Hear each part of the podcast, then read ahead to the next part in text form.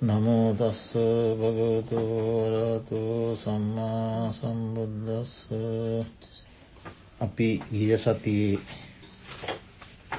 රූපස්කන්දය වේදනාස්කන්දයේ කොටසක් සාකච්ඡා කළා.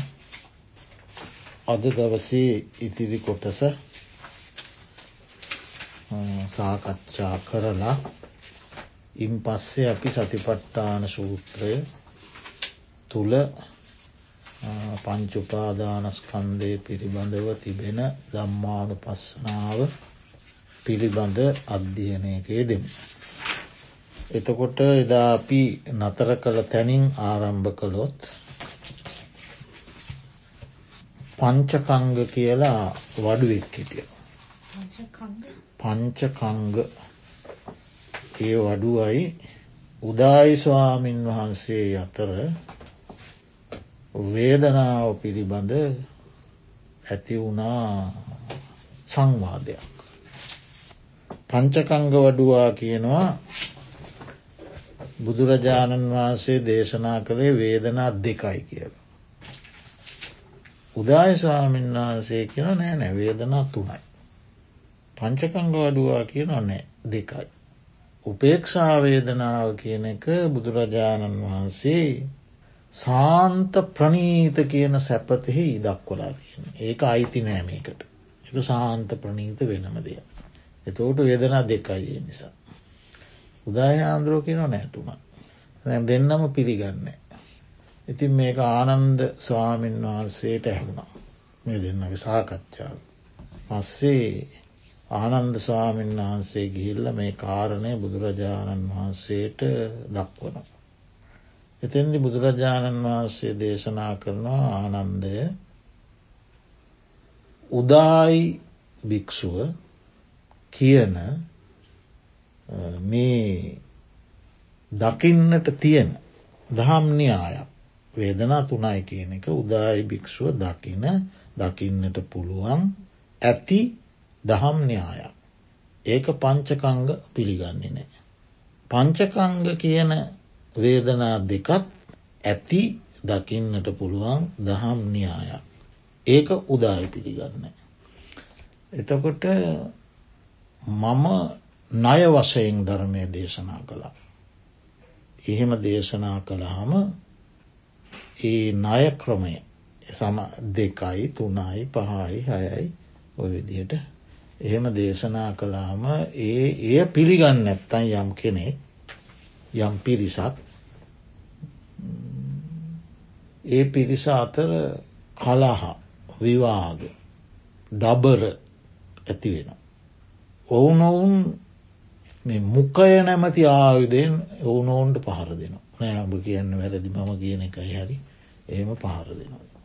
ඉතින් යම් කිසි කෙනෙක් මම ණය ක්‍රමයට දහම් දේශනා කළා කියලා පිළිගන්නවා නම් ඒ අය ඩබර වෙන්නේ නෑ කලා කරගන්න විවාද කරගන්න මොකේ නැමැති ආවිදයෙන් පහර දෙන්නේ. ඔවුන් මේ ධර්මය පිළිබඳව සමගිව සතුටුව විවාද නැතුව ඉන්න. ආනන්ද මම යම් වෙලාවක වේදනා දෙකකුත් දේශනා කළා. වේදනා තුනකුත් දේශනා කළා.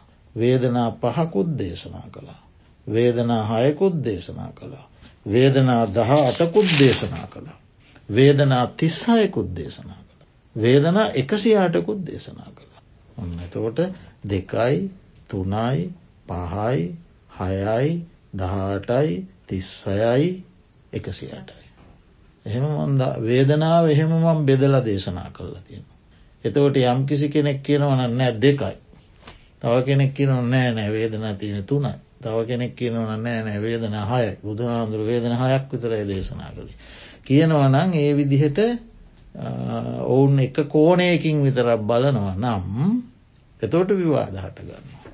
කියල බුදුරජාණන් වහන්සේ දේශනා කළා ආනන්ද ස්වාමීන් වහන්සේට. අතකොට ඒක ටිකක් විස්තරාත්මකයි. වේදනා දෙකනං සුක දුක්ක සැපදුක්. වේදනා තුනනං සුක දුක්ක අදුක්කම සුක උපේක්කා. එතකොට වේදනා පහනං එක ඉන්ද්‍රිය සම්බන්ධ. සුකින්ද්‍රිය දුක්කින්ද්‍රිය සෝමනස්සින්ද්‍රිය දෝමනස්සින්ද්‍රිය උපෙක්කින්ද්‍රිය. ඒවා මේ මේ ඕවා ඉතින් ඊට පස්සේ බෙදිල බෙදලා බලන්ඩ තියෙනවා මේ එක ඒක භූමියෝල හටගන්න හැට. ඔය සමහරවේදනා රූපාවචර භූමියෝල නෑ. සමහරවේදනා අරූපාවචර බ්‍රහ්ම ලෝකයෙන් හටගන්නේ. සමහරවේදනා කාමාවචරය කියන දිවිය ලෝක හයයි මනුස්්‍ය ලෝකයේ සතරාපාය විතරයි තියෙන. ඕ එහෙමත් බලන්ට තියෙන සමහරවේදනා ලෝකෝත්තර භූමි හතරේම ලැබෙනවා. කාමාවචර රූපාචර අරූපාවචර ලෝකෝත්තර භූමි හතරේම ලැබෙන වේදනා තියෙනවා. කාමාවචර භූමියවල විතරක් ලැබෙන වේදනා තියෙනවා. කාමාවචර රූපාවචර අරූපාවතර තුනෙහි විතරක් ලැබෙන වේදනා තියෙනවා. එක ලෝකෝත්තර භූමියවල නැති එහෙම ඉතින් ඒක හරී විස්තර සහිත බෙද ඒ පරිම ඕ ගැඹුරුයි. ඉතින් ඒ විදියට බුදුරජාණන් වහන්සේ ඕම දේශනා කළා වේදනා දෙකයි වේදනා තුනයි වේදනා පායි වේදනා හයයි වේදනා දහටයි වේදනා පනස් තිස්සයයි වේදනා එකසි අටයි. ඉති ඒක අපිට සාමාන්‍ය දැනීමක් තියෙන්ඩෝ නෑ වේදනා කියන්නේ මේ විදිහේ බුදුරජාණන් වහන්සේ නොෙක් ක්‍රමවලට දේශනා කරපු දෙයක් කියලා. ඒවා එක්ෙක් භූමියවල ලැබෙන විදි වෙනස් කියන එකත් මතකේ තියාගත්ත මැති. සමහර වේදනා රූපාවචර රූපාවචර බ්‍රහ්මලෝකොල්ල නෑ. සමහරේවා කාමාවචර භූමියල විතරයිදී. එහෙම එහෙම වෙනස්කම් තියෙන. ඊළඟට බුදුරජාණන් වහන්සේ දේශනා කරනවා මේ වැසි කාලයේ මහත් පොද ඇති ලොකු වෙහෙ බිඳු ඇති වැස්ස වහින. වැස්ස වහිනකොට ජලාසෝල හටගන්න අධිය බුබුලු. දියබුබුලු හටගෙන ඒව නැසෙනවා. දියබුබුලු හටගන්නවා නැසෙනවා හටගන්නවා නැසෙනවා. එතකොට ඇස් ඇති මනුස්සී. ඒ ජලාසේ ඉවුරේ ඉන්න. ඉවුරේ ඉඳගෙන එයා මේක පරීක්ෂා කරනවා. මේක ගැන හිතනවා. මේක ගැන විමසනවා. හිතන්න ඇති මනුස්සයකුට ඕක එකක් නෙවෙයි. එමනුස්සය මේ දියබුබුලු දිහා බල්ල හිතනවා මේක ගැන. මේක මේ හටගන්න හටගන්න කරන ඇසෙනවා. මේක එතකොට ඉතින් ඒ මනුස්සයෑම පරීක්ෂා කල්ල බලනෝට එයාට පේනවා මේක කිසිම හරයක් නෑ. අරටුවක් නෑ. ගතයුත්තක් නෑ. හටගෙන නැසී යන දෙය. අන්නේ විදිහට ප්‍රඥායසින් යුක්ත පුද්ගලය. ප්‍රඥායස දියුණු කරගත්ත පුද්ගලයා මේ වේදනාව විමසනෝ. අර වැැව්යුරේ ඉඳලා දියබුබුල විමසන්නා මනුෂ්‍යයා වගේ ඇස් ඇති පොරුෂයා ප්‍රඥාව නැමති ඇස ඇති පුරුෂයා වේදනාව විමසනවා. විමසනකොට යායට පේනවා මේ වේදනාව කියනක හරයක් නැති දෙයක්. හටගෙන බිඳෙන හටගෙන බිඳෙන හටගෙන බිඳෙන දෙයක්. අපි ඒක අපි අල්ලගන්නේ එක සමූහාර්ථයෙන් අපි සැපක් විඳිනවා. එල අපි ඒක සමූහය වශයෙන් අල්ලගන්න.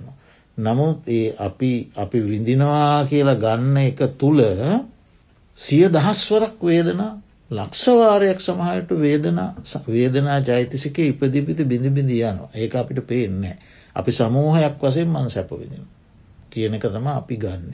තොට ඇස් ඇති පුරුෂයා මේක විමස විමස විමස විමස බලනකොට එයාට පේනවා මේ වින්දනය තුළ මේ විඳීම තුළ පුපුරු ගහනවා වගේ. මේ වේදනා කැඩි කෙඩී බිඳිබිදී බිඳිබිදී බිඳිබිදී යන. සැපයත් එහෙමයි දුකත් එහෙමයි මේක තියෙන නිරන්තරයෙන්ම වෙනස්වීම. කියන එක එයා අවබෝධ කරගන්න. එක නිසා දිය බුබුලක් කියලා බුදුරජාණන් වහන්සේ දේශනා කළා. එතකොට ඒ ඇස් ඇති පුරුෂයා ඔය විදිහයට බලනවා එකොළොස් සාකාරම වේදනා. ඒ කියන්නේ අතීත වර්තමාන අනාගත අජ්ජත්තික බාහිර ඕලාරික සියුම් හීන ප්‍රනීත ළඟ පිහිටි දුර පිහිටි ඔය සියලූම වේදනා එයා බලනො මේවා එයා විමස විමසා විමස විමසා මේවා හටගන්නේ ස්පරශය ප්‍රත්තිය කරගෙන ඇසයි රූපයයි නිසා චක්කු විඤ්ඥානය උපදිනු. ඒ තුන එකතුනාම චක්කු සම්පස්සේ. ඒ සම්පස්සේ නිසා සුකවේදනා උපදිනවා දුක්වේදනා උපදිනවා මධ්‍යස්ථ වේදනා උපදිනවා. එතකොට ඒ අසත් අනිත්‍යය දෙයක් ඒ රූපත් අනිත්‍යය දෙයක් ඒ චක්කු විඤ්ඥානයක් අනිත්‍යය හේතුවෙන් හටගත්ත දෙයක් හේතුවකින් හටගත්තේ විඤ්ඥානයක් ඒ ස්පර්ශයත් හේතුවකින් හටගත්ත දෙයක් අනිත්‍ය වූ හේතුවකි ඒ ස්පර්ශය ප්‍රත්තියෙන් හටගන්න සැපවේදනා දුක්වේදනාත් මධ්‍යස්ථ වේදනාත් අනිත්‍ය වූ හේතු ප්‍රත්තියෙන් හටගත්ත දේවල් කියලා මේ එකොළොස් සාකාරම වේදනාවය දකින නුව නැති පුරුෂය. ඊළඟට සංඥාව. සංජානාතීතීකෝ භික්කවේ තස්පා සංඥාතිී උච්චති. හඳුනාගන්නේ යන අර්ථයෙන් සංඥාව කියල කියන. හඳුනාගන්නේ කියන අර්ථය. හඳුනාගන්න. එතවට මොනවද හඳුනගන්නේ. රූප හඳුනගන්න සබ්ද හඳුනගන්න ගන්ධ හඳුනගන්න රස හඳුනගන්න ඉස්පරස හඳුනගන්න සිතුවිලි චේතනා හඳුනගන්න. ඊළඟට නිල් පාට හඳුනගන්න රතු පාට හඳුනගන්න කහපාට හඳුනගන්න සුදු පාට හඳුනගන්න මදටිය පාට හඳුනගන්න විවිධ වර්ණ සංයෝජන හඳුනගන්න. එතකොට ගහ කොල ඉර ගඳ නානා ප්‍රකාර දේවල් හඳුනගන්න. එතකොට ඒ හඳුනාගන්නේ මේ ඉන්ද්‍රිය පද්ධති හරහා. ඇස හරහා හඳුනා ගැනීම් වොල්ට ගෙන රූප සංඥා. කනහරා හඳුනා ගැනීම් වොල්ට ගෙන සබ්ද සංඥා. නාසය හරා හඳුනා ගැනීම් වොල්ට ගන්ධ සංඥා. දිවහරා හඳුනාගන්නා දේවල්ලෝට රස සංඥා. මේ කය හරා හඳුනාගන්නා දේවල් පොට්ටබ්බ සංඥා. මනස හරා හඳුනාගන්න දේවල් ධම්ම සංඥා.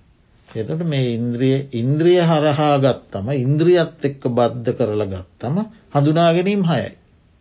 ඉන්ද්‍රියත් එක්ක. නමුත් ඒ හය ඊට පස්සේ බෙදිල බෙදිල යන ඔය නිල්ක හා රතු ආදී වශයෙන් අම්ම හඳුනගන්න තාත් හඳුනගන්න පුතා හඳුනගන්න දුව හඳුනගන්න බෑන හඳුනගන්න මුණපුර හඳුනගන්න මේසේ හඳුනගන්න පුටුව හඳුනගන්න ඒක තියෙන වරණ හඳුනගන්න නානා ප්‍රකාර හැඳිනී. අරහාය තම ප්‍රධාන. නමුත් එක බෙදිල යනකොට නානා ප්‍රකාර වූ හඳුනා ගැනීම. එතකොට බුදුරජාණන් වහන්සේ දේශනා කරනවා ගිම්හාන කාලේ. අවසාන මාසයේ ගිම්හාන කාලේ තද්දට පෑවිල්ල කාලේ අවසාන මාසයේ මධ්‍යාහන වෙලාවේ දහවල් කාලේ. පාරවල්වල මිරිගුවක් සැලෙනෝ පේනවා. මිරිගුව. එතට මවාහිත මෝහෙම සත්තු හිතන්න මේ ජලය කියලගෙන ජලසය ජලාසය වගේ පේෙන්.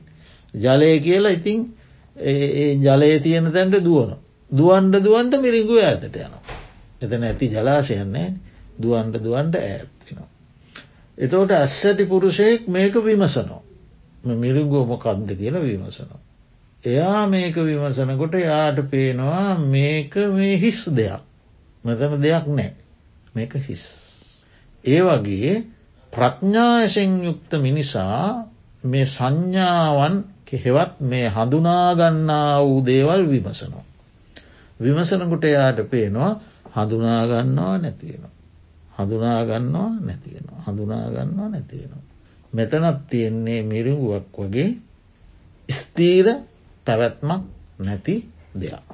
කෙලවරක් නැති හඳුනාගෙනින්. ඉතින් එයා ඒ හඳුනා ගැනීම්වල යථශ්වරූපය දකින. නුවනින් පරීක්ෂා කරනකොට. හිතනකොට. එතකොට එයාර එකොළොස්සාකාරයෙන්ම බලනවා. අතීතේ මං අප්‍රමාණ දේවල් හඳුන ගත්තා. ද අපිට හෙම් බලන්න පුළුවන්. සමහට අපි මුලින්ම හඳුනගන්නේ මේ කුස තුළ ඉදිද්දි. දැන් විද්‍යාත්ම කෝප්පු කරලා තියෙනවන කුසල් තුළ ඉදිද්දී එයාට වේදනා හැම අඳුනගන්න පුළුවන් කියලා. මවගේ සිතුවිලි එයට ග්‍රහණය කරගන්න පුළුවන්. මව ගන්න ආහාරෝලින් එය යැපෙනෝ. එතෝට එහෙම පටන්ගන්න හඳුනා ගැනීම. එතවට දැන් ඒව මතකත්නෑ නේද ඒ කාල එහෙම දෙයක් හඳුනාගත්ත කියලා අපි දන්නෙත්නෑ. ට පසේ අපි මවකුසෙන් බිහිවෙලා හඳුනාගන්නවා. මව්කිරි හඳුනාගන්න. මව හඳුනාගන්නවා. ඊට පස්සේ කෙමෙන් කෙමෙන් මේ ලෝකයේ හඳුනාගන්නට අපි උත්සාහ කරන අපිට කුතු හලේ වැඩෙනවා. එතවට මාසෙදි හඳුනා ගන්න දේවල් දැන්නේ. ඉපදිලා මාස දෙකේදි හඳුනාගත්ත දේවල් ඒත්නෑ. මාස තුනේ දිහතර දිපහේ ඕම හෝම අපි මේ කාලපු කාලයේ පුරාම සංඥාවල් ගොඩ ගහල. හඳුනනවා හඳුනනවා හඳුනනවා හඳුනවානේ හඳුනාගන්න දේවල් එහෙම හිස්. එයා එයා බලනවා හෙම. එතකොට ළමාවාසිද හඳුනාගත්ත දේව කොච්චර සමහරයවා හිතන්ඩුවත් බෑ එකයි දෙකයි කියල ගණන් කරන්න බෑ මොන්න තරන් දේවල් පාරක බැහල යනකොට හඳුනා ගන්නවා දේව මතකේවත් හිටින්නේ කොච්චරන. ඉතිං ඔහොම ඔය සංඥාරාසිය. ඉතිං අන්න නුව නැති පුරුෂයා බලනවා අතීත වර්තමාන අනාගත. අනාගතය තව ඇවිල්ලනෑ ඒත් අපි හිතන හිතෙන් සංඥාව උපදවනු. අනාගතය මෙහෙම වුණොත් මෙහෙම කරනවා මෙහෙම වුණොත් මෙහෙම කරන මෙහෙම වුණොත් හොඳයි කියලා ඉතින් රූප අපි ස්රූප ශබ්දාදි සංඥා මවනෝ. එතකොට අනාගතයක් බලනවා. අතීත සංඥා සියල්ල හිස්නම් ඔහු ඒ අනුසාරයෙන් කල්පනා කරන එන අනාගතයත් ඔයිටිකම තමයි. මවකුසේ ඉන්නකොට ලැබූ සංඥාවගේ තම අනාගතය ලැබුව. දෙකේ තුනේ පන්තිය ඉන්නකොට ලැබූ සංඥාවගේ තමයි. කියලා එයා ඒ සංඥා බලනු. වර්තමාන අනාගත හීන ප්‍රනීත ඕලාරික සුකුම ළඟ පිහිටි දුර පිහිටි ආදී වශයෙන් බලන. බල්ල ඇය වටහා ගන්න සංඥාවන් පිළිබඳ ඔහු වෙනවා නිවැරදි නිගමනයකට. ඊළඟට අපේ රේරුකානේ නායක ස්වාමීන් වහන්සේ කියනවා පස්දිය ඇඳුම් පැළඳුම් මාදී භෞතික වස්තු. පස්සම වතුර ඇඳුම් පැළඳුම් ආහාර පානගේ දුර ඉඩකඩන් හරකබාන යානවාහන වස්තු සම්පත්. ආදී භෞතික සම්පත්. ඒවත් ඔක්කෝම හඳුනාගන්නදේ ඒ සංඥා. ඊළඟට විවිධාකාර වූ ශබ්ද. යානවාහනොලින් නිකුත්වන ශබ්ද සත්තුන්ගේ ශබ්ද දවාදරුවන්ගේ ශබ්ද. ඒ විවිධාකාර ශබ්ද. ඊළඟට නානා ප්‍රකාර වූ ගන්ධයෝ ගඳ සුවද දෙකම. නොෙක් නොෙක් නොෙක් නොෙක් ආකාරී ගන්ධයෝ. එතවට නොයෙක් නොයෙක් ආකාරය රසයෝ එක එක එක විදිහක් නෑන හැම දේකම රසයන් එකිනෙකට වෙනස්. මස් රස මාලු රස කිරි රස පැණි රස තිත්ත රස කටුක රස ඇඹූල් රස කර්ර රස ලුණු අඩු රස ලුණු වැඩි රස පැණි වැඩි රස පැණි අඩු රස ඔය විදියට විවිධාකාර රසයෝ. එතකොට නානාප්‍රකාර වූ ක්‍රියා වැඩ කටයුතු ඒවත් හඳුනගන්න. නානා ප්‍රකාර ක්‍රියා වැඩ කටයුතු. ඊළඟට නොයෙක් ආකාරය හැඩහුරුකම් එකනකාගේ එක ඒක පුද්ගලයන්ගේ හැඩ හුරුකම් ස්ත්‍රීන්ගේ හැඩහුරුකම් පුරුෂයන්ගේ හැඩහුරුකම් යානවාහනෝල හැඩහුරුකම් ගෙවල් දොරවල්ල හැඩහුරුකම් ගස් කොළං ඔොල හැඩහුරුකම් සත්වයන්ගේ හැඩහුරුකම් විවිධයින් ඒ විවිධ ආකාර හැඩහුරුකම් හඳුනාගන්න. එතකොට ඒ ලෝකයේ විවිධාකාර වස්තූන්හි තියෙන පැහැයවල් හඳුනාගන්න. එකගන එකකට එකක් වෙනස්. පැහැයවල් හඳුනගන්න. ඊළඟට මව්පිය ආදී ප්‍රිය අය හඳුනගන්න. මේ විදියට මේ ලෝකයේ අත්ති මහත් මේ පංච උපාදානස්කන්දයෙන් අති මහත්ම ස්කන්දය සංඥාවලු. අති මහත්ම ස්කන්දය සංඥාව ගැන පුදුමාකාරයි. අති මහත්ම කියන්න මේ ඒ කියන්නේ අමාරු නෙමේ කෙලවරක් නෑ. උපතේ සිට මරණය දක්වා හඳුනා ගැනීම්වල අනිත්තේ වගේත් කෙලවරක් නෑ. නමුත් මේ සංඥාවන් රැස්කිරීම තමයි මිනිසා වැඩි වශයෙන් ඒ සංඥාවන් රැස්කිරීම තමයි වැඩියෙන්ම කරන්නේ. ඒක මිරිංගුවක් ගුහාවක්න මිරිංගුවක්නේ ඒක තම සංඥා හඳුනාගෙන හඳුනාගෙන හඳුනාගන්න හඳුනාගන්න හඳුනාගන්න ඒක තමයි කරන්න. දැන් අධ්‍යාපනය ලබනවා කියන්නේ සංඥාවන්. දැනීම ලබනවා. මේ මේත් සංඥා. මේ මේ දියුණු කරන්නේ සංඥා. මේක ධර්ම සංඥා. නමුත් සංඥාව මේත් සංඥා. ඉගෙන ගන්නවා කියන්නෙත් සංඥා. ඩ්‍රයිවින් පුරුදුවෙනවා කියන්නේ සංඥා. ගුවයියානා පදවන්න පුරුදුවෙනවා කියන්නේ සංඥා සංඥා. බෑබෑ ඔව ඒ සංඥා සංඥා තමයි මේ ලෝකයේ වැඩිපුරම මිනිසා ගොනු කරන්නේ. හඳුනා ගැනීම සංඥාව. එතකොට මේ සංඥාව බොහෝ අකුසලයන්ට මුල් වෙනවා. මාන දෘෂ්ටි ආදී බොහෝ අකුසලයන්ට මුල් වෙනවා. මොකද තැන් ලෝකයේ සංඥා අඩු අයට මෝඩයෝ කියනවා. සංඥා වැඩියයට උගත්තු කියනවා. හරි බුද්ධිමතුගේ බුද්ධිමතුන් කියලගෙන සංඥා වැඩිය කරන. එකට දැනගත්තා වූ ප්‍රමාණය හඳුනාගත්තා වූ ප්‍රමාණය ගබඩා කරගත්තා වූ ප්‍රමාණය වැඩි. සංඥා වැඩියට. සංඥා වැඩි නිසා යායට උගතාගෙන. සංඥා අඩු නිසාන මෝඩයි කියන. එතකොට ඒ තුළින් ඇතිවෙන්ඩ පුළුවන් මම ගොඩාක් සංඥා දන්න කෙනෙක් උඹල දන්නේ. තමන් ගොඩාක් දන්නවා කියලා මාන්‍ය ඇතිවෙන්න පුළුව. හරි. එතකොට මාන්‍යය ඇතිවෙන්නේ මම දන්නවා කියලන එතකොට ආත්ම දෘෂ්ටිය ඇති වෙනවා. මම දන්න මම දන්න මම බොහෝදේ දන්න කෙනෙ. බොහෝදේ දන්න කෙනෙ. කියලා ඔන්න එයා තමා පිළිබඳව හෙම මනිනෝ. මනෝට එක ආත්ම දෘෂ්ටිය. ඉලට තමා පිළිබඳව මැනල මම දනිමේ අනිකා නොදනී. කියනකොට එයා තමා පිළිබඳව මනිනෝ. එතකොට එයට මාන්‍ය ඇති වෙන. එතකොට ඒ විදිහට මේක මේ මහත් කොට ගන්නා චෛතසිකයක් කියනවා. මහත් කොට ගන්න උසස් කොට ගන්න උසස් වසයෙන් සලකන්ට පවා පොළඹ වන චෛතසික. එතෝට ලෝකයේ බොහෝ දෙනා මේ දුක් විදින්න සංඥා දියුණු කරන්න. සංඥා දියුණු කරන්න අප්‍රමාණ ඉතින් දුක් පීඩා විඳගෙන සංඥා දියුණු කරනවා. එක තම ලෝකයේ පැවැත්ම පැවැත්ම සහ නැවැත්ම දෙකක්නේ අපි තාම ඉන්න පැවැත්ම තුළ. තෝට සංඥා දියුණු කරමින් දියුණු කරමින් දියුණු කරමින් දියුණු කරමින් ඒ පැවැත්ම තුළ කටයුතු කරනවා. ලෝකයේ ඒක තමයි කරන දේ. ඉතිං ඒක ඒ දියුණු කරගන ගමන් ඥානවන්තයා මේක නුවනින් විමසන. ඥානවන්ත නොවන කෙනා මේක විමසන්නේ නැතිව එයා ආත්ම දෘෂ්ටි මානාදී ක්ලේෂයන් උපදවමින් නැවත නැවත සංඥා වඩමින් තමන්ගේ භව ගමන තුළ යන. ඥානවන්තයා දැන් සාරිපුත්තාදී මහරහතන් වහන්සේලත් බොහෝ ගත්තුනි. බුදුරජාණන් වහන්සේත් මේ එවකට තිබ්බ ශිල්ප ශාස්ත්‍ර සියල් හැදෑරුවන සිල්පත් පෙන්වානි. බුදුරජාණන් වහන්සේ සොලොස්වන වයේදී ශිල්ප දැක්වූ. තම ඉගෙන ගත්ත ශිල්ප පෙන්වා අය කාලි තිබුණ ක්‍රමයක්. තමන් ශිල්ප ශිල්පයන්ගේ කෙලවරට පැමිණි බව ශාක්‍යයන් ඉදිරියේ පෙන්වා දක්වල.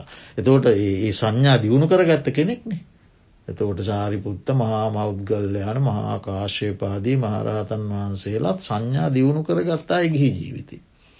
ඉති උන්වහන්සේලා මේක චතුරාර්ය ශක්තිය අවබෝධයෙන් මේ අවබෝධය ලබන්ඩ පෙර මේ සංඥා විමසුව මොකක්ද මේ හඳුනා ගන්නවා ගැන මොකක්ද. විමසලා උන්වහන්සේලා ආත්ම දෘෂ්ටිය මානාදී ක්ලේස් කඩල දෙම. සෙසු ජනයා මේක තුළ හිරවෙලා ඉතින් අර කෙලෙස් උපදෝමින් සසර පවතින. ති ඒක සංඥාව. හඳුනා ගන්නේය කියන අර්ථය. ඊළඟට සංකහාර සංකහාර අභිසංකරොන්ති නැවත නැවත රැස් කරන්නේ කියන අර්ථය. අභිසංස්කරණය කරන සංස්කරණය කරන කියන අර්ථයෙන් සංකාර කියනවා. එතෝට ඒ සංකාර තියෙනවා කාය සංකාර. සියලූම චේතනාත්මකව සිදු කෙරෙන සියලු කායික ක්‍රියා.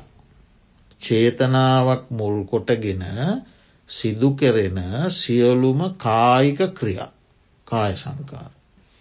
ඊළඟට වචී සංකාර. චේතනාත්මකෝ සිදු කෙරෙන සියලූම වාචසික ක්‍රියා.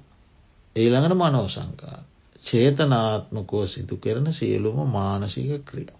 ඒ විදියට සංකාර කොටස් තුනකට බෙදෙනවා. කාය වචී මනු.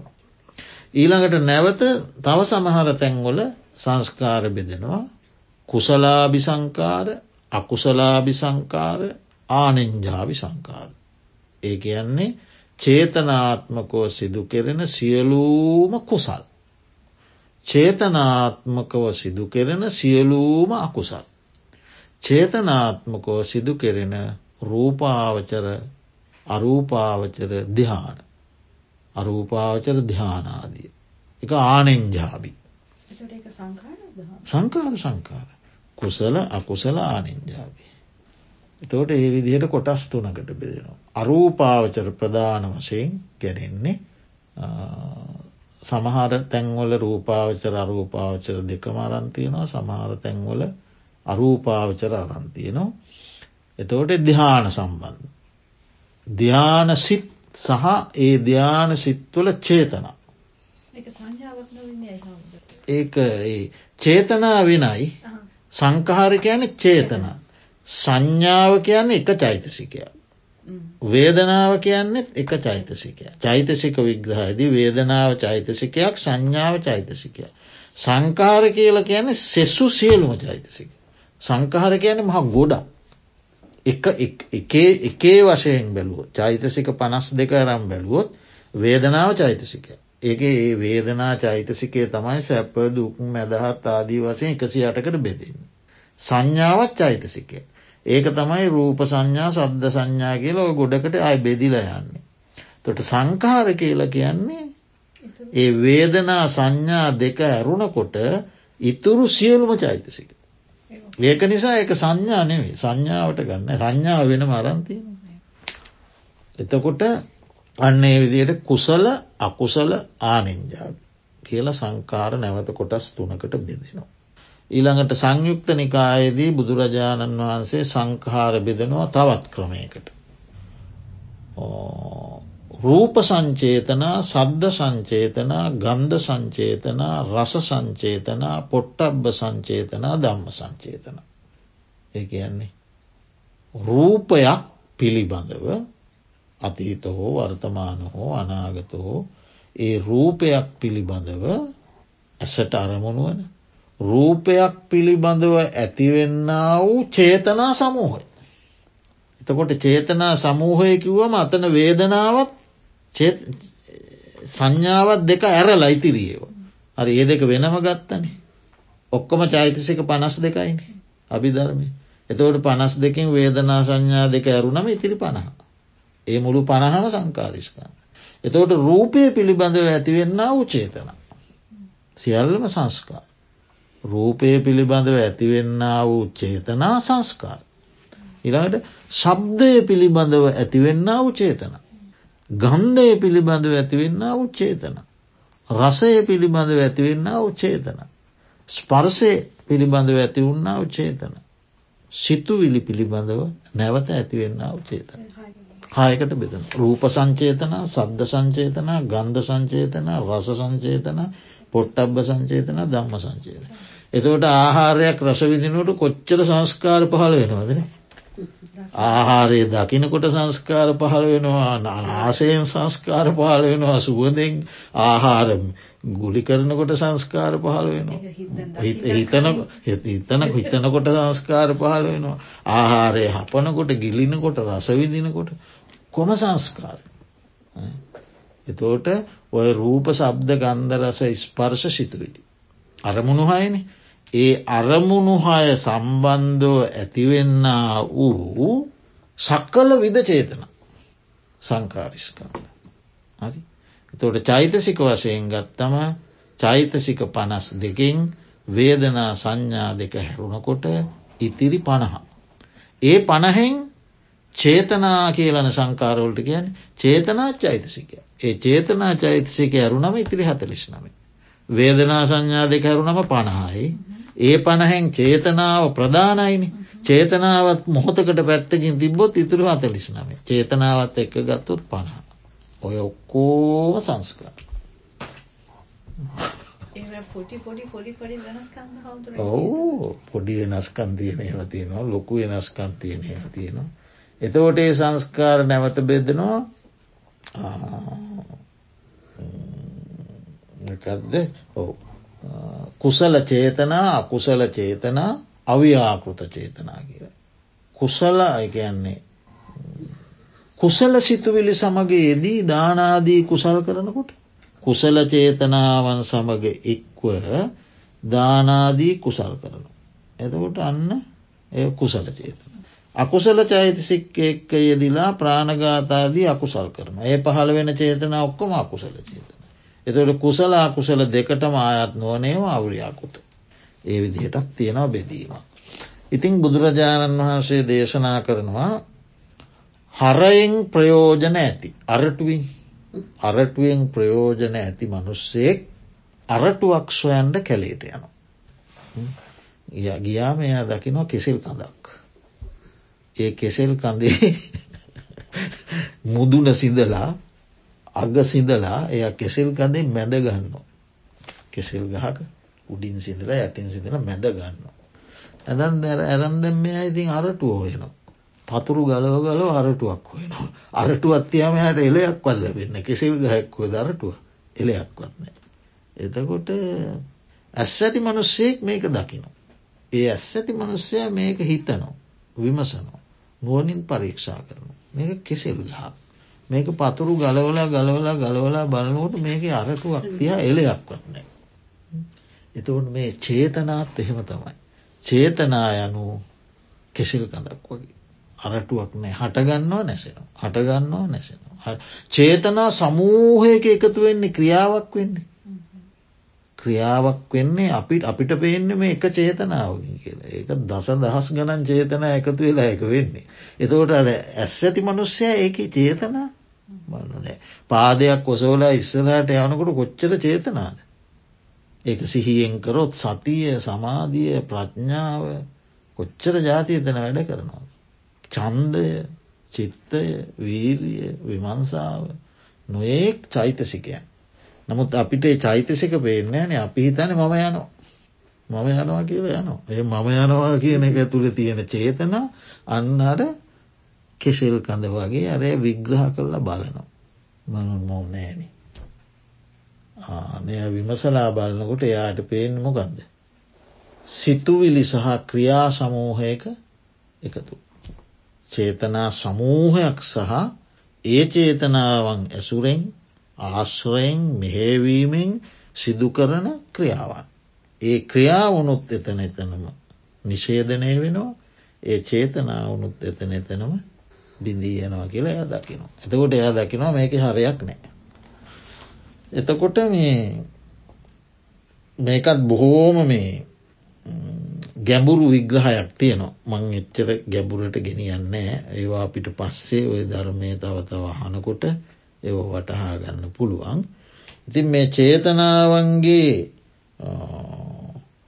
චේතනාවන්ගේ මෙහේවීමෙන් සිදුකරන ක්‍රියාවන්.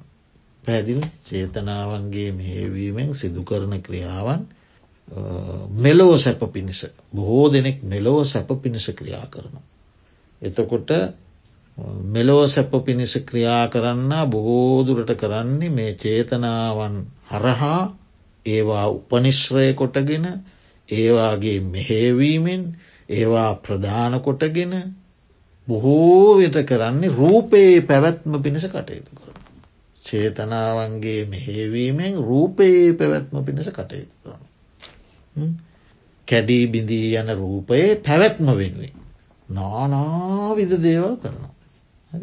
එතකොට මේ කැඩී බිඳී යන වේදනාවේ පැවැත්ම වෙනුවෙන් වේදනා නැවත උපදවන්නටත් උපදවාගත්ත වේදනා ආරක්ෂා කරගන්නටත් දුක්වේදනා නූපදවා ඉන්නටත් සැපවේදනා උපදවා ගැනීම පිණිසත් අනේක ප්‍රකාරූ ක්‍රියා කරන ඔක්කොම් මෙලෝ පිණිස. ඊළඟට මේ චේතනාවේ මෙහේවීමෙන් අනේකාකාර වූ සංඥා ලබා ගැනීම පිණිස ක්‍රියා කරන. ඉස්කෝල යනවා ඉගෙන ගන්නවා නොයෙක්දේ ඒව නරකයි කියනවනේ මේ මේ විග්‍රහය. එතකොට චේතනාව මූලිකව නොඒකුත් ක්‍රියාකාරකම්වල යෙදෙමින් නැවත නැවත චෛතසික නැවත නැවත චේතනා උපදෝමින් සංඥාව ලබා ගැනීම පිණිස ක්‍රියා කරන. රූපයේ පැවැත්ම පිණිස ක්‍රියා කරනවා. වේදනාවේ පැවැත්ම පිණිස ක්‍රියා කරනවා. සංඥාවන් නිපදවීම පිණිස ක්‍රියා කරනවා. සංස්කාරත් මහත් තමයි. නමුත් ඒ සංස්කාර තුළිනුත් රැස් කරන්නේ සංඥාන. ගොඩාක් එකතු කරන්නේ සංඥා. එතන ඒකයි සංඥා මහත් කියනේ රේරුකාණය ස්වාමීන් වහන්සගේ අදහසක් ඒ උන්වහන්සේට වැටහෙන ආකාරයක් සංඥාව අති මහත් චෛතසි සංස්කාරත් එහෙම තම නතේ සංස්කාර තුළිමුත් නැවත ගොඩනගන්නේ සංඥා. සංස්කාර චේතනා ප්‍රධාන කොට ගෙන ආය සංඥා උපදවන.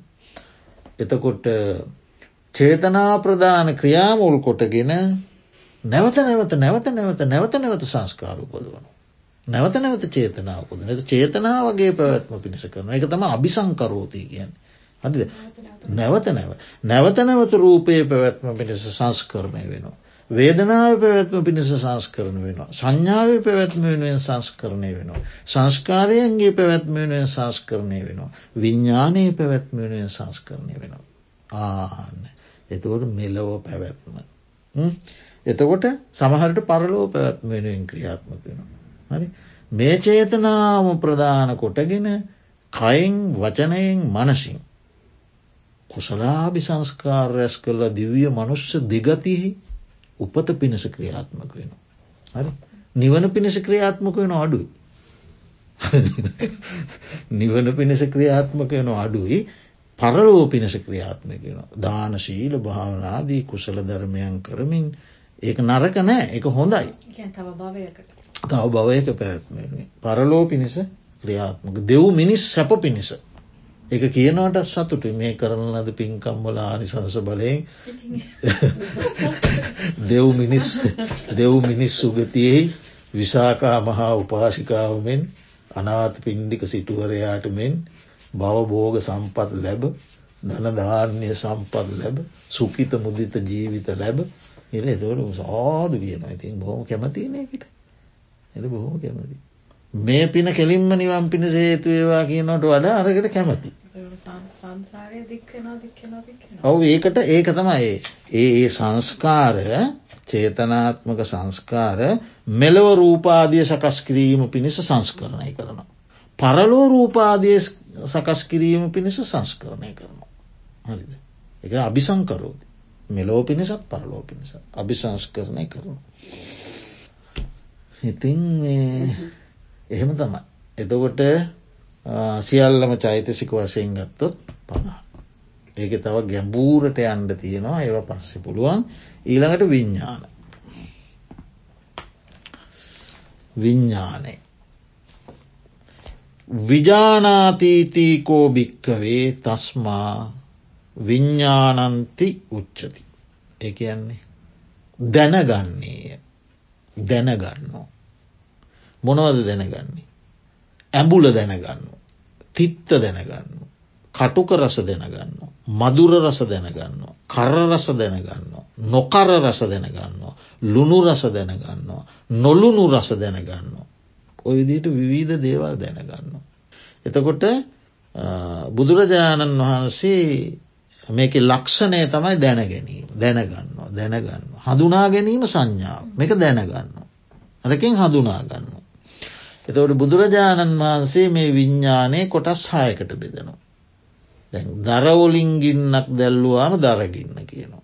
ගොමෝලින්ගින්නක් දැල්ලුවාම ගොමගින්න කියනවා. එහෙම කියනවාන. ඒ වගේ මෙ විඤ්ඥානයත් හයයි. එකම විඤ්ඥානය ඇතිවෙන තැන් අනුව හයයි. ඇසට ඇසද රූපයද නිසා හටගන්නා විඤ්ඥානය චක්කු විඤ්ඥානය. කනද සබ්දයද නිසා හටගන්නා විඤ්ඥානය සෝත විඤ්ඥානය. නාසයද ගන්ධයද නිසා හටගන්නා විඤ්ඥානය ගාන විඤ්ඥානය. දිවද රසයද නිසා හටගන්නා විඤ්ඥානය ජිව්වා විඤ්ඥානය.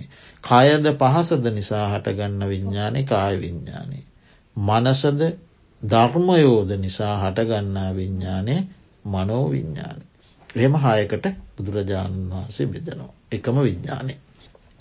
එතකොට යම්කිසි විද්‍යාකාරයෙක් සතරමං හන්දියක විද්‍යාවක් පෙන්න්නනවා. මායාවක් විද්‍යාවක් මායාවක් පෙන්න්නනවා. ඇස් ඇති පුරුසෙක් සමාර් මිනිසුන උස තැනකට නැගලවක විමසන්න. ඇස් ඇති පුරුසෙක් මේ විද්‍යාව විමසනවා. බලන්නකොට එයා දැනගන්න මේක මේ නැති දෙයන්න පෙන්න්නන්නේ. මේක විද්‍යාවක්. නොත් බලන් ඉන්න මනුස්සයට මේක සත්‍යයක් විදිහට පේන. විද්‍යාවක් එයා විමසනවා නුවනින් බලනවා පරීක්ෂා කරලා බලනවා ඒ ගැන සිතනවා. එතකොට එයාට එහෙම වැටහෙනවා. එතකොට එයා දැනගන්නවා මේක හිස් දෙයක් බොල් දෙයක් හර නැති දෙයක්. ඒ විදිහට ඥානවන්ත මනුෂ්‍යයා අතීත වූද වර්තමාන වූද අනාගත වූද හීන වූද ප්‍රනීත වූද ඕලාරික වූද සියුම් වූද තමාට අයත් වූද අනුන්ට අයත් වූද. දුරපිහිටියාවුද ළඟපිහිටියාවුද යම් තාක් විඤ්ඥාන ඇද්ද. ඒ විඤ්ඥාන විමසනු. එය බලනවා අතීතයේ මං අප්‍රමාණ රූප දැක්ක. ඒ දකින දකින දකින දකිනවාරිමට විඤ්ඥාන ඇතිවුණ කෝ ඒ විඤ්ඥාන දැ නෑ. මම මවකුසින් එලිය දැකලා දකිනකොටම මට විඤ්ඥාන ඇති වුණ. අම්ම දැක්කා මවගේ කිරි බොනකොට එ විඤ්ඥාන ඇති වුණ. ඒ විඤ්ඥාන නෑදෑ එය අතීත විඤ්ඥාන බලනවා. දැ අද දවසේ විඤ්ඥාන බලන අද උදේ නැගිටපු නැගිටපු වෙලා මං කී දෙයක් දැනගත්තද මොකෝ නෑන. ඒ විඤ්ඥාන නෑ. එතකොට අද බලනෝ ඊය බලනෝ පෙරේද බලනවා ගිය මාසි බලනු ගිය අවුරුද්ධ බලනු එහෙම බලනො ඒ ඒ ඒ ඒ තැන හටගත්ත විඤ්ඥාන දැන්නේ ඒ විඤ්ඥාන හටගෙන නැති වුණා. කියලා එයා ඒ විඤ්ඥානයන් නුවනින් විමසා බලලා එයාට පේනවා දැන් එතකොට මේ විඤ්ඥාන කියල කියන්නේ හේතු පලවාදීව හටගෙන. ඇසයි රූපයි නිසා හටගන්නවා නැතිවෙන. එහෙම දෙයක්. හරසුන් බොල් නොපවතින තාවකාලික ඇතිව නැතිව යන ස්වභාවයෙන් යුක්තයි කියලා එයා ඒ විඤ්ඥානය වටහා ගන්නවා විද්‍යාකරුව විමසනවා වගේ. එතකොට මේක තියෙනවා කුසල විඤ්ඥාන අකුසල විඤ්ඥාන අව්‍යාකෘත විඤ්ඥාන කියල නැවත බෙදීම. ඒක ඇන කුසල චේතනාවන් මුල් කරගෙන කුසලය දැන ගැනීම කුසල විඤ්ඥානි. අකුසලය දැන ගැනීම අකුසල විඤ්ඥානි. කුසල් අකුසල් දෙකට මායත් නොවන දේ දැන ගැනීම අව්‍යාකුත විඤ්ඥානි. කුසල චෛතසික සමගේ දුන අකුසල චෛතසික සමගේ දුන කුසල අකුසල දෙකට අයත් නොව් අව්‍යාකෘත. දැන් එතවට ඔන්න අපි තව ගොඩාක් කරුණු අතහැරෙනවා ගැඹුරු කරුණු නමුත් ඔය විදිහට මේ ජීවිතයක් සම්බන්ධව ස්කන්ධ පහකට බෙදුව. රූප ඉන්ද්‍රිය අනුසාරයෙන් ලබන අරමුණු තුළ ඇතිවෙන වින්දන විඳීම් රූපයක් තියෙනවා විඳීම් ස්වභාවයක් තියෙනවා හඳුනා ගැනීම් ස්වභාවයක් තියෙනවා චේතනා ස්වභාවයක් තියෙනවා අරමුණු දැනගන්නා විඤ්ඥානයක් තියෙන විඤ්ඥාන හයක් තියෙන. එතකොට මේක තනි වචනයෙන් ගත්තොත් රූපය වේදනාව සංඥාව සංකාර විඤ්ඥානය බෙදීම් ක්‍රමයට ගත්තොත් සතර මහාධාතු සහ අටවිසි සහිත අටවිසි රූපයෝ රූප කියන්නේ ප්‍රධාන වසයෙන් හතරයි උපාදායත් එක්ක ගත්තම අටවිසි රූපයෝ. වේදනා ප්‍රධාන වශයෙන් තුනයි බෙදිල යනකොට එකසි අටයි සංඥා ප්‍රධාන වසයෙන් හයයි. ඒ හය බෙදිල යනකොට අප්‍රමාණ සංඥා ගංගාවක්. ඊළඟට සංස්කාර කියන්නේ චේතනා පණහක් චෛතසික පණහක්. ඒකත් නොෙක් නොෙක් නොෙක් ආකාරයේ මෙලොව පරලෝ පිණිස සංස්කරණය කිරීම. ඉළඟට විඤ්ඥානයේ තනි වචනයෙන් එකක්. ඒ බෙදීම් වසයෙන් ගත්තම හය අරමුණු දැනගැනීම. ඉතින් ජීවිතය ගැන ඒකට ඉස්කන්ද පහත්. ඕකට තමයි මම කියන්න. මමය සතාය බල්ලාය බූරුවාය එළුවාය කුකුලාය මිනිසාය දෙවියාය ජනාධිපතිතුමාය අගමැතිතුමාය මුදල් ඇමතිතුමාය ඇමරිකානුවාය මෙක්සිකානුවාය අප්‍රිකානුවාය ආසියානුවාය කිල නාන ප්‍රස්ත්‍රියය පුරුෂය පුරුෂයාය ගිහියාය පැවිද්දාය නානා ප්‍රකාර වශයෙන් අපි බෙදල තියෙන්නේ ඕ පහ තමු. ඔය පහට අමතරවා හයක් නෑ. එතවට ලෝකයේ තියෙනවා එක ස්කන්ධයක් ඇති තැන්. ස්කන්ධ හතරක් ඇති තැන්. ස්කන්ධ පහක් ඇති තැන්. එතොට අපිට ස්කන්ධ පහක් තියෙනවා. එතකොට ඒවට කියන්නේ එකට විශේෂ නමකුත් තියෙනවා මට දැන් මතකයට එන්නේ ඒ විදියට එකයි හතරයි පහ. ස්කන්ධ එකක් තියෙන භූමි. ස්කන්ධ හතරක් තියෙන භූමි. ස්කන්ධ පහක් අපිට පහම තියෙනවා. දැන් සිත මිස කය නැති බඹලෝව සතරකි කියන තැන. ඒ සිත තියෙන නිසා සිත හා සමඟ සම්බන්ධ වුණු ස්කන්ධ හතර එතන තියෙනවා. එකන වේදනා තියෙනවා සංඥා තියෙනවා නාමටික තියෙන. රූපය නෑ. එතකොට රූපය පමණක් තියෙන ස්කන්ධ තියෙන භූමියයේ නාමටිකනෑ. එතවට ඒක තනි භූමිය තනි ස්කන්ධය. ඒක තම ඒව හරි ගැටලුයි. නමුත් එහෙම තියෙනවා. ඒ බ්‍රහ්මලෝකොල ස්වභාව. ඒකට කියන්නේ ඒක වෝකාර භූමි. ඒක වෝකාර භූමි. එක ස්කන්දයයි. චතු වෝකාර භූමි අරමට අමතකුණාකක මතක් වුණ. චතු වෝකාර ගැන ස්කන්ද හතරයි. පංචවෝකාර භූමි ගැන ස්කන්ද පහයි. අපිට පහයි. මේ සත්තුන්ටත් පහයි. එතකොට කාම ලෝකයේ ස්කන්ද පහම තියෙනවා. එතකොට ඉතිං ඔන්න ඔය පහ ස්කන්ද පහයි. දැන් ඒක හරිනේ. මෙන්න මේ කියන ලද ස්කන්දයෝ අපි මෙහෙම තදින් අල්ල ගන්න. මෙහෙම අල්ලගන්න. තදින් ගන්න. ඒ අල්ලගන්නා කරුණු හතරක් තියෙනවා. කාම දිට්ටි සීලබ්බත අත්තවාද. ඔය හතරෙන් හෝ හතරෙන් එකකින් හෝ අල්ලගන්න. අල්ලගත්තම තම උපාදාන. ඔන්න දැන් ඔය ස්කන්ද පහ අල්ලගත්තම උපාදානස්කන්ද වෙනවා. කාම දිට්ටි සීලබ්බත අත්තවාද. ඒ හතරත් එක්ක එකතු වුණහම තමයි උපාදානස්කන්ද වෙන්න. දැන් අපි මෙතෙක් කතා කරේ ස්කන්ද කියලන. ඒ ස්කන්ද ඔන්න ඔය හතරෙන්ම නෙමේ සමහරට එකකින් අල්ල ගත්තා. උපාදාන කරගන්න. උපාදාන කියන අල්ල ගන්නවා බැඳෙනවා. හරි එතකොට පංචකාම සම්පත්තුලින් මේකට බැඳෙනවා. පංචකාම සම්පත් පිළිබඳ තිබෙන බැඳීම කැමැත්ත ආශාව තෘෂ්ණාව නිසා මේකල්ල ගන්න. රූපය වේදනාව සංඥාව සංස්කාර විඤ්ඥානක අල්ල ගන්න. කාමයෙන් කාමයෙන් අල්ල ගන්න. ඊළඟට දිට්ටි නොයෙක් ආකාර දෘෂ්ටිවලින් අල්ල ගන්න. ඊළඟට සීලාදී වෘතවලින් අල්ලගන්න. අජවුත ග්‍රෝවත සුනකරුත ආදී ඔය මෝක්ෂේ ලබන්ට වෘත සමාදන් වෙන්න. ඉන්දියාව හරියට තියෙනවන වෘත වෘතවලින් බැඳෙනවා. එහෙම නැත්තං අත්තවාද. එකැන ආත්ම දෘෂ්ටිය මම මගේ මගේ ආත්මය. මම මගේ මගේ ආත්මය. ති වැඩියම බැඳෙන්න ඒකින් තමයි. මම මගේ මගේ ආත්මය බැඳෙනවා. එතොට ඔන්න ඔය වාද හතරයි. උපාදාන හතරයි. ඔය හතරෙන් හෝ හතරෙන් එකකින් හෝ මේ ස්කන්දයට බැඳුනම ගලවන්න අමාරු. උපාදානස්කන්ද ගලවන්න අමාරු. ඉතිං බුදුරජාණන් වහන්සේ ඒ නිසා මේ සංසාරගත සත්වයෝ මේවට බැදිලා ඉන්න නිසා උපාදානස්කන්ද පංචකයකින් යුක්තයි කියලා අපිට දේශන අපි ඔක්කොම මේ උපාදානස්කන්ද මේ ස්කන්දයෝ අල්ලගෙන ඉන්න. ඉතින් බුදුරජාණන් වහන්සේ දේශනා කරනවා මේ ඇස රූපයට උපාදානත් නෑ. රූපය ඇහැට උපාදානත් නෑ. උපාදාන වෙන්නේ මේ ඇහැයි රූපයයි දෙක එකට එකතු කරලා බඳින චන්දරාගේ. දැන් මේ කොච්චර මෙහි රූප තිබ්බත් මට ඇහැ තිබ්බත් මං ඒවට බැඳෙන්නේ නැත්නම් උපාදානයන්නේ රූප තිබ්බම් මට මොකද. ට උපාදාන වෙන්න මේ දෙක එකට එකතු කරන පාලම තමයි චන්දරාගේ.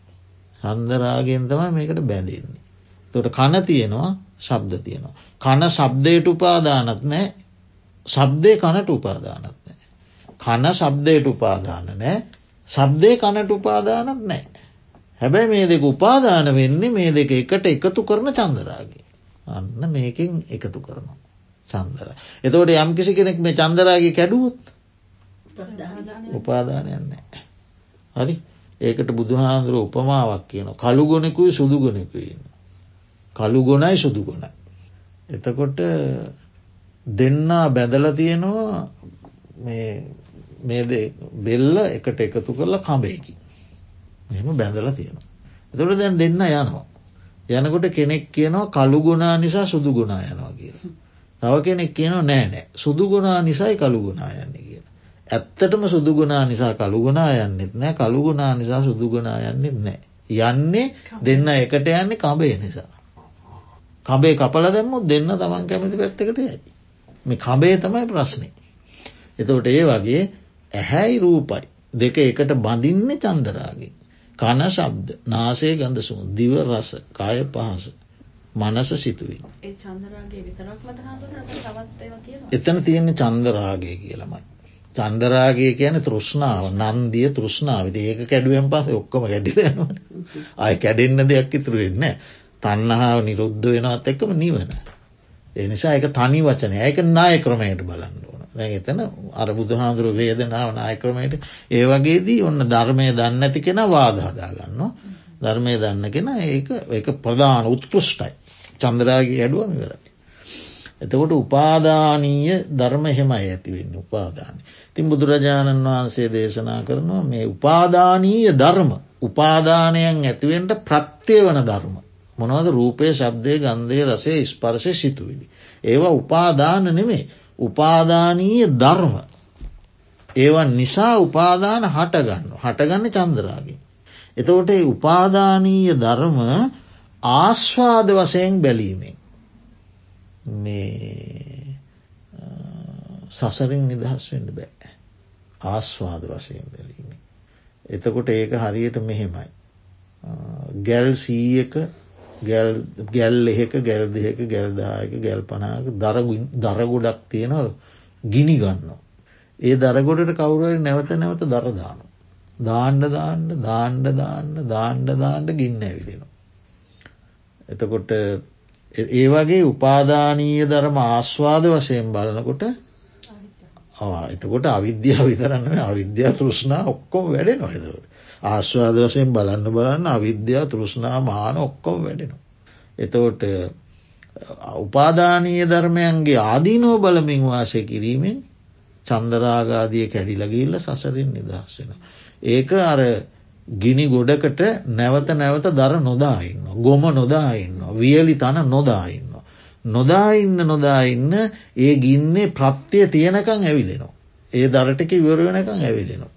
ඒ ගොමටික ඒ තනටික ඉවර වෙනකං ඇවිලිලා අය ඇවිලින්ට ප්‍රත්තිය නැති නිසා ගන්න විලයන. ආදීනෝ වසයෙන් බැලීමෙන් උපාදානීය ධර්මයන්ගෙන් මි දෙනවා. කියලා දේශනා කළා. එතකුට අන්න ඒ විදිහට කියන ලද මේ ස්කන්ධ පංචකය කිරේ අපි ඔක්කෝම් බැඳී සිටින. බැඳී සිටිමින් අකුසල් කරන අය දුගතිය උපදිනවා කුසල් කරන අය සුගතිය උපදිනවා ඒකත් නායක්‍රමයට දේශනා කරපු එකක් ඒකෙමුත් කියන්න අකුසල් කරන හැමෝම නිරේ උපදිනවා කියලා. කුසල් කරන හැමෝම සුගතිය උපදිනවා කියන්නෙන්න. ඒ වගෙත් තියෙනවා බෙදී. එවත් නාය ක්‍රම ඒවා බෙද බෙදා විභජනය කළ යුතු ධර්ම. නමුත් පොදුවේ ගත්තම වැඩි ඉඩක් තියෙනවා අකුසල් කරපු අයි දුගතිය කුසල් කරපුය සුගතියන්ට වැඩි ඉඩක් තියෙනවා වෙනස් වෙන්ඩ පුළුවන්. ඉතින් ඒ නිසා ඉතින් හොඳම දේ තමයි මේ උපාදානීය ධර්ම කඩලා දැමීම ඒ සඳහා ඉතින් බුදුරජාණන් වහන්සේම සතිපට්ටානය දේශනා කළේ අපි ඉදිරි සතියේදී දේශනාවේ සතිපට්ටාන සූත්‍රයේ අන්තර්ගත ක්‍රමය පිළිබඳ අවධානය යොමු කරමු. ඉතිං දැන් කියපු වෙලා හරි. මෙතෙක් වෙලා මේ ධර්ම සාකච්ඡාවට සවන්දීමෙන් උපදවාගත්ත කුසල ශක්තිය දෙවියන් සහිත ලෝකයාටත් අප හැම දෙනාටමත් තිවිය මානුසික නෑ. නිවන් අවබෝධය පිණිසම උපාදානීය ධර්මයන් කඩා බිඳදවීම පිණිසම හේතුව හසනාවෙත්වා හා කියලා පාර්ථනා කරමු.